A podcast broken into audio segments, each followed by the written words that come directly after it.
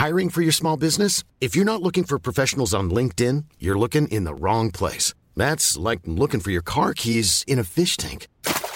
LinkedIn helps you hire professionals you can't find anywhere else, even those who aren't actively searching for a new job but might be open to the perfect role. In a given month, over 70% of LinkedIn users don't even visit other leading job sites. So start looking in the right place. With LinkedIn, you can hire professionals like a professional. Post your free job on linkedin.com slash people today. Hey, it's Ryan Reynolds, and I'm here with Keith, co-star of my upcoming film, If, only in theaters May 17th. Do you want to tell people the big news? All right, I'll do it. Sign up now and you'll get unlimited for $15 a month in six months of Paramount Plus Essential Plan on us. Mintmobile.com slash switch. Upfront payment of $45 equivalent to $15 per month. Unlimited over 40 gigabytes per month. Face lower speeds. Videos at 480p. Active Mint customers by 531.24 get six months of Paramount Plus Essential Plan. Auto renews after six months. Offer ends May 31st, 2024. Separate Paramount Plus registration required. Terms and conditions apply if rated PG.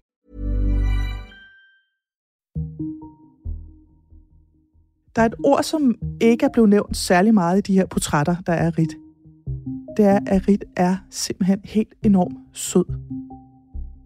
Sød, omsorgsfuld, varm over for sine venner.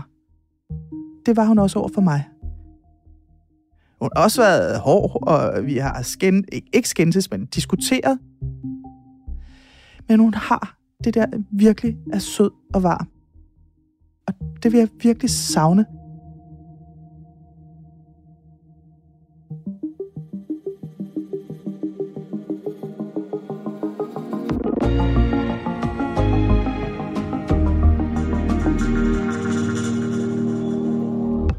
Rit Bjerregaard er død. Behøver jeg at sige mere? Som minister, EU-kommissær og overborgmester har hendes politiske indflydelse været omfattende. Men det er kun en del af hendes eftermæle. Her er dato. Jeg hedder Thomas Bug Andersen.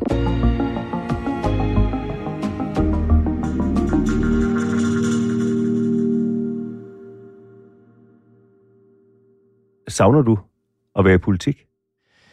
Nej, jeg savner ikke at være politiker, fordi det, jeg har fundet ud af, det er, at hvis man er samfundsengageret, og det er jeg, så kan du godt udleve det samfundsengagement andre steder. Det her er Christine Antorini, gennem mange år medlem af Folketinget. Mange vil også huske hende som undervisningsministeren under lærerlockouten i 2013. I dag er hun direktør i Lifefonden, og, relevant for os her i dag, inde med Rit Bjerregaard fra første gang de mødtes. Jeg er meget optaget af europapolitik, er valgt som øh, næstformand for SF, sidder i Folketinget for SF, og der var en stor uenighed i SF, om man skulle gå en mere pro-europæisk vej, eller man skulle være mere sådan traditionel venstrefløjs kritisk over for det europæiske projekt. Og jeg stod lige i orkanens øje, fordi jeg var meget engageret i den pro-europæiske dagsorden. Og øh, så får jeg et øh, brev fra Rit Bjerregaard, som jeg selvfølgelig kender. Hun er jo på det tidspunkt en en stor skikkelse i dansk politik. Hun er europakommissær der, men har jo varetaget ministerposter og er jo en fremtrædende kvindelig øh, politiker. Godt nok ikke for mit eget parti, men Socialdemokratiet. Og så siger hun, har du ikke lyst til at komme hjem til mig? Øh, jeg synes, du står lidt alene der i blæsten i Europadebatten, og så kunne vi måske bare snakke lidt om, hvordan det er at klare sådan nogle øh, måske lidt hårde sager. Jeg synes, det er kæmpestort, at jeg får den henvendelse fra Rit Bjergård, og så tænker jeg, det vil jeg gerne. Og så tager jeg hjem til Rit, der bor i kartoffelrækkerne på Østerbro, og banker på døren.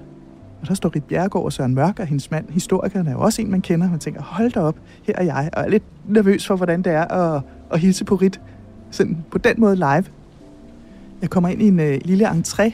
Det er jo øh, kartoffelrækkerne, så det er jo sådan nogle små øh, etager. Og så giver hun mig hånden og byder mig velkommen og siger, det er dejligt, jeg har lyst til at kigge forbi, at vi går op ad trappen til første salen. Og der er dækket op ud til vinduet et lille bord, hvor der står en lille tekande og to kopper og en kage. Jeg kan faktisk ikke huske kagen, men jeg, jeg har jo haft mange møder hjemme hos Rit efterfølgende. Hun har altid en lille kage. Og så starter samtalen. Det er nemt, det er uformelt, nærværende, engageret, og jeg har virkelig oplevelsen af, at her er der en kvinde, som øh, synes, det er spændende, hvad jeg laver. Og det er altså dejligt, når man står i politisk blæst. Og det gjorde jeg også blandt mine egne. Så det er altså dejligt at blive set og blive mødt der, hvor man er. Og hun er bare enormt sød. Og så sidder vi og får en kop te, og jeg fortæller lidt om, hvordan det er, og hvad jeg kæmper for, og hvad jeg oplever modstander. Det, hun gør, det er, at hun lytter. Det er ikke noget med at være doserende. Det er ikke noget med at sige, du skal gøre sådan og sådan og sådan. Jeg oplever, at det er en ægte samtale, vi har med hinanden, også om europapolitik.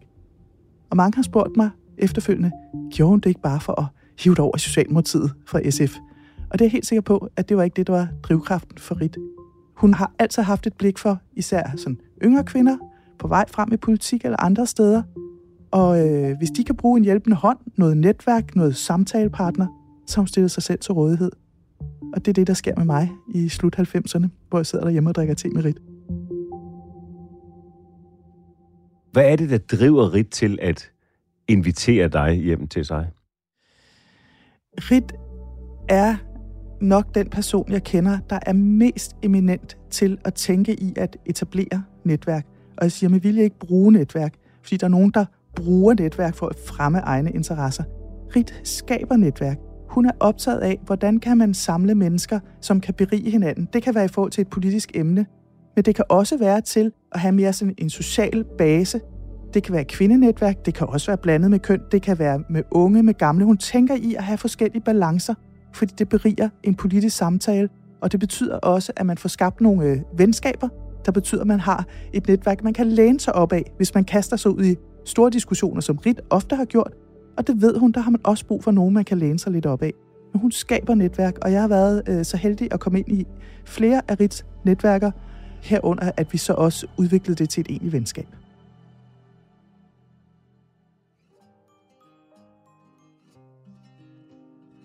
Rit Bjerregaard og Christine Antorini har skrevet flere bøger sammen. I den seneste går de nye veje med deres venskab.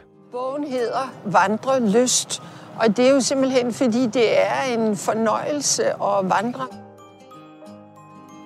Det, der sker, når man vandrer sammen, det er, at man kan gå ved siden af hinanden, og man kan faktisk sådan bare stige ud i det blå. Man får brugt sin krop.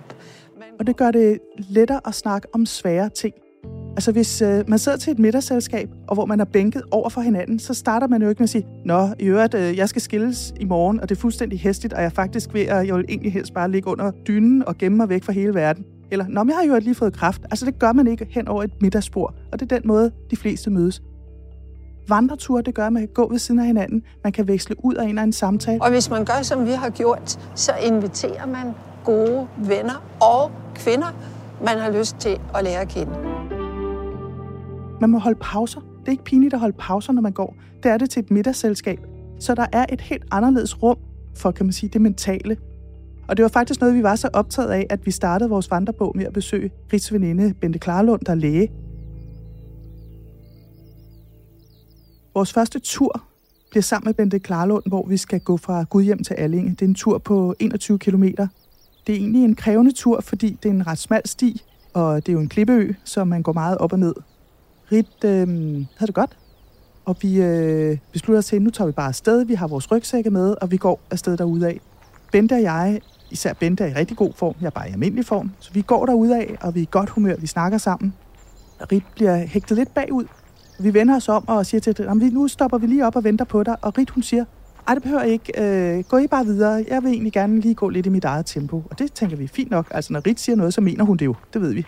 Så vi går bare videre, men så kan vi godt se, at der er et eller andet, der ikke er helt som det skulle være. Vi stopper op og venter på Rit, som er på vej ned af en lidt skræntersti, og der øh, mister hun balancen. Og vi skal nærmest sådan gribe hende.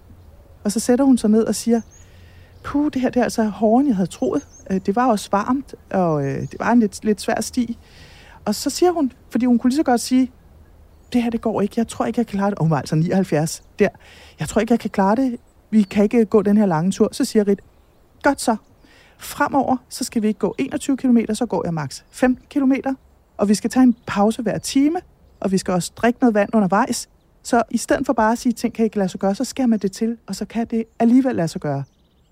Vi skulle jo så igennem de 21 km, fordi Allinge ville rigt nå, uanset hvad. Det gjorde vi også, men så tog vi bare lidt længere pause. Inklusiv en ølpause, det er noget, som Rit altid holder meget af. Hvordan brugte Rit Bjerregaard det rum, der opstår, når man vandrer? Rit har altid været optaget af den spændstige samtale.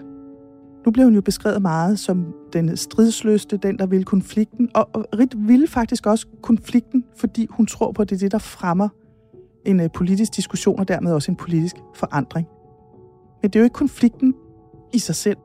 Det er at kunne skabe nogle rum, hvor man faktisk drøfter på baggrund af en konflikt, ulighed, undertrykkelse, eller for at tage nogle af de andre kampe, øh, miljøproblemer, landbrugets rolle i det, jamen så skal man have nogle rum, hvor man kan tale sammen om det. Og det, som vandretur kan, det er at give et mere, måske intimt rum for nogle samtaler. Men det kræver jo også, et er, at man skal arrangere dem, to, man skal invitere nogen med. Og det var også en pointe med Vandrelyst. Vi inviterede os ud til kvinder, som vi tænkte havde noget på hjerte, og det var deres lokalområde, vi vandrede i. Og det fik vi nogle fantastiske samtaler ud af. Og det behøver man ikke at være kendt som en Rit Bjerregaard, eller som mig som politiker. Det kan man gøre med alle. Man kan godt invitere sine øh, tante, man ikke har set i mange år, og sige, vis mig det lokalområde, hvor du blev født, og så får man en helt anderledes personlig samtale. Men man kan også gøre det med kollegaer, eller man kan melde sig til der, hvor vandrerummet giver en mulighed for nogle andre drøftelser. Så det var lidt at prøve rummet for andre samtaler af. Man kan gøre det på alle mulige andre måder også, men det her, der fandt vi ud af, at det giver plads til det intime, det personlige, på sin egen mærkelige måde i trygt rum. Christine Antorini, du beskriver Rit Bjergård som en, som tog dig under sine vinger, hvis man kan kalde det det. Det er mine ord. Andre kvinder under sine vinger for at lære jer noget, for at skabe et rum for jer, hvor I kunne udvikle jer, så at sige, for at støtte jer. Oplevede du også, at hun lyttede og selv var klar til at ændre sig? Rit er ikke sådan en kvinde, der har lyst til at lære nogen noget, eller belære nogen om noget. Det er faktisk ikke det, der driver hende. Hun er optaget af at diskutere. Hun vil gerne høre nogle synspunkter. Hun vil også gerne bidrage til den diskussion. Noget er man enig om, noget er man ikke enig om. Det handler ikke om at være belærende. Hun har ikke brug for at bruge sin erfaring til at sige, nu skal du høre, du skal gøre sådan og sådan og sådan. Men hun vil gerne stille sine erfaringer til rådighed. Og jeg tror, der hvor Rit lytter mest, det er faktisk i diskussioner mellem forskellige generationer. Fordi hun ved godt, at hun er altså født i 1942. Og unge kvinder, som er født i 90'erne, de har en helt anden erfaring med sig. Det er andre konflikter. Hvis man tager en anden af de nye debatter, der er kommet, det omkring øh, kønsidentitet og retten til at være, hvem man er, uanset øh, seksualitet, og man føler sig som pige, dreng, noget andet. Det var en debat, som Ries synes virkelig var svær at forstå. Altså sådan virkelig, at altså, altså hvad er op og ned på det her, og hvor er det politiske potentiale i det, og hun vidste godt, at der var hun nok øh, lidt gammeldags. Nogen vil sige sådan en gammel ronkedor, selvom man siger det om hanelefanter, ikke? Hun vidste godt, at det var hun. Jamen, så var der kun én ting at gøre. Så var det jo at opsøge nogle af de unge kvinder, og være oprigtigt nysgerrig på, hvad op og ned, men også at diskutere med dem. Jeg kan huske en af de øh, diskussioner, vi havde, det var, at øh, Rit synes, at den der fjerde bølge feminisme, som havde brug for, at øh, man som ung kvinde kunne klæde sig, som man ville, inklusiv at være enormt udfordrende klædt, det var deres eget valg. Som de sagde, og hun sagde, det synes jeg nu alligevel er mærkeligt. Altså, jeg vil bare sige, hvis man går ind i politik, så skal man faktisk... Altså, jo, man må godt gå i farvestrålende tøj, men man behøver ikke at spille på sin seksualitet på den måde. Og så har hun sådan, det kan også godt være, at jeg ved godt, jeg er en anden generation, og vi gjorde meget ud af, at man skulle høre til os for dem, vi var. Og vi måtte også gerne øh, se ud som øh, smukke unge kvinder, men ikke bruge vores seksualitet. Og der er bare kommet nogle andre temaer ind i debatten. Og det vidste hun godt, der skulle man snakke med nogen, og der brugte hun netværk til at blive klogere også på det. Har du nogensinde oplevet, at hun har ændret holdning som følge af en samtale, I har haft? Det er virkelig et godt spørgsmål, om Rit har ændret holdning. Jeg tror, det mest klassiske for Rit, når man er i en diskussion med hende, hvor hun godt ved, ah, der har jeg måske ikke det stærkeste argument, det er ikke at sige, Nå, okay, det kan jeg godt se, der har du virkelig en pointe. Så trækker hun sig egentlig lidt så, hmm, ja, hmm, ja, nå, ja, ja, det, det, det kan man måske lige tænke lidt over. Men så kan hun sagtens næste gang, man møder hende, så har hun tænkt over det, og så har hun flyttet sig et lille skridt. Men det er nok lidt svært i situationen. Der kæmper hun til det sidste. Der er 25 års forskel på jer. Hvad betyder den aldersforskel? Hvad har den betydet i jeres venskab? Jeg synes, det er en gave at have en veninde, der er 25 år ældre end mig selv. Og jeg tænker aldrig på Rit som min mor. Jeg har min mor. Det er en anden relation, jeg har der. Bortset fra, at min mor er så døde for en del år siden. Og derfor er det sjovt at have et rigtigt venindeforhold til en, der er 25 år ældre. Det er nogle andre ting, man diskuterer. Det er et andet perspektiv, Rit bringer ind i det. Dels fordi hun er så erfaren politiker, men også fordi hun er kvinde af en tid, og det har vi faktisk diskuteret meget og også været uenige om. Da hun var ung politiker i 70'erne, der oplevede hun jo mandsjovinisme af værste skuffe. Det var både mænd i Socialdemokratiet, det var mænd i fagbevægelsen, der var tæt indvedet med Socialdemokratiet, hvor de jo simpelthen ikke ville tage Rit alvorligt. Hun var for ung, hun var for køn, hun var for uerfaren. Hun blev jo kaldt for Ankers pin-up, altså fuldstændig sådan jordende, nederen behandling de første halvandet år. Jeg havde sådan nogle øh, brune ruskensbukser og sådan nogle lidt løse jakker. Bevidst ikke udfordrende, og derfor var det jo mildest lidt af en overraskelse, da jeg så bliver minister allerede i 73, så er forsiden af Ekstrabladet det Ankers nye pin-up. Og der havde jeg nogle snakke med Rit, fordi jeg sagde, jamen det oplever jeg ikke som kvinde. Jeg oplever tværtimod, at da jeg var ung kvinde i 80'erne og i SF, der blev der gjort meget, også fra mændenes siden, for at give os nogle muligheder for at komme frem, få nogle ledende poster, have nogle synspunkter. Og der er sket et skifte, så vi står jo på skuldrene af nogle kampe som Rits Generation 2. Tak for det, Rit, Jytte Hild, alle jer andre.